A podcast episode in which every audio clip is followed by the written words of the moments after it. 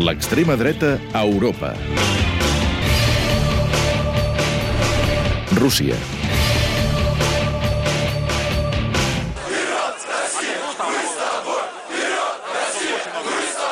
La manifestació no autoritzada d'uns 5.000 joves russos que l'11 de desembre passat van inundar el centre de Moscou amb consignes ultranacionalistes del tipus Rússia pels russos, els nombrosos atacs posteriors contra gent de faccions no eslaves i l'amenaça de repetir les protestes del dia 11 de cada mes han posat en alerta les autoritats russes.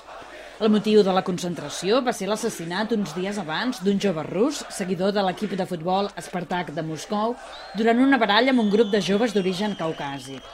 Alexander Berhovsky, director del centre Sabà, especialitzat en l'anàlisi dels comportaments xenòfobs a Rússia, alerta del perill del nou fenomen. Ideinimi neonazi Eh, futbol. Normalment, els hooligans dels equips russos es mantenien al marge de les idees neonazis. Això va ser així durant anys, però ara, de la nova generació de seguidors, n'han sortit uns quants milers de persones que l'11 de desembre es van unir a la protesta anunciada pels grups nazis. Berhovsi explica que a Moscou el moviment ultranacionalista juvenil encara és marginal, però és molt més fort que el demòcrata liberal i podria atraure la massa de joves descontents per la manca d'oportunitats. Les autoritats li tenen por i per això il·legalitzen a totes les plataformes que puguin agrupar l'extrema dreta, que s'organitzen moviments clandestins i a les xarxes socials.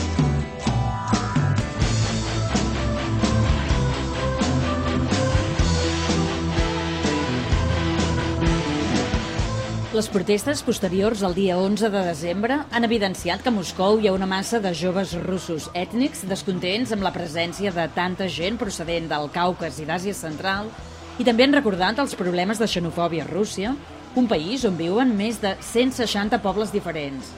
Berkowski posa data al punt més àlgid del racisme. L'any 1999, a l'inici de la Segona Guerra Txetxena, el nivell d'aquests sentiments xenòfobs a la societat va augmentar molt i des d'aleshores no ha disminuït.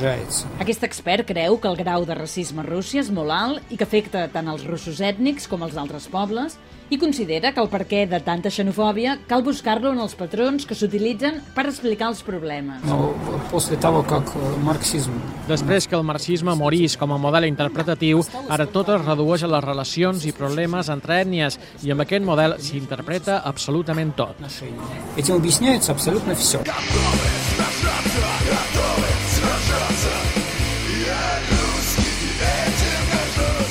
Alexander Bilov és el líder del moviment contra la immigració il·legal, un dels grups ultranacionalistes més importants a Rússia, que està en procés de ser il·legalitzat perquè la Fiscalia l'acusa d'extremista. Bilov explica així les recents protestes juvenils. Ha crescut una nova generació que no vol obeir els que creuen que els pertany tot el país, és a dir, el poder. I per això estan preparats per actuar contra els crims ètnics, és a dir, la criminalitat que ens ha arribat del sud amb els immigrants, i també contra el poder actual, que és corrupte i que encobreix la criminalitat ètnica. Bilov creu que l'estructura federal de Rússia i l'existència de repúbliques amb nacionalitats titulars discrimina els russos, que segons el cens del 2002 són gairebé un 80% de la població. Ara els russos comencem a prendre consciència que no tenim estat, que la Federació Russa és un conglomerat no se sap ben bé de què, on les minories tenen molts més drets que la majoria, que a nosaltres ens han oblidat completament. Avui els russos no tenim estat. De fet, en aquest sentit, no els distingim dels catalans o dels bascos.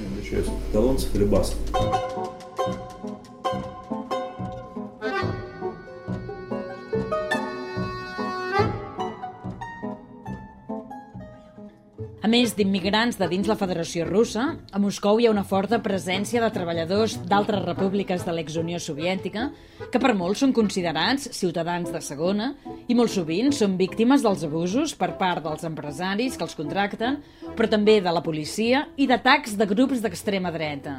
Irina Ibachnyuk, expert en migracions de la Universitat Estatal de Moscou, lamenta que no es faci res per integrar els nouvinguts i voldria fer arribar aquest missatge als joves ultranacionalistes russos. La societat ha de ser més tolerant. Per què? Està clar que tenim un dèficit en el mercat de treball. Si els russos no tenen gaires fills i no volen fer segons quines feines, han d'estar agraïts als immigrants pel fet que vinguin i facin aquestes feines. L'extrema dreta a Europa és una sèrie de reportatges de la secció d'Internacional de Catalunya Ràdio. Podeu tornar-la a escoltar a catradio.cat barra extrema dreta.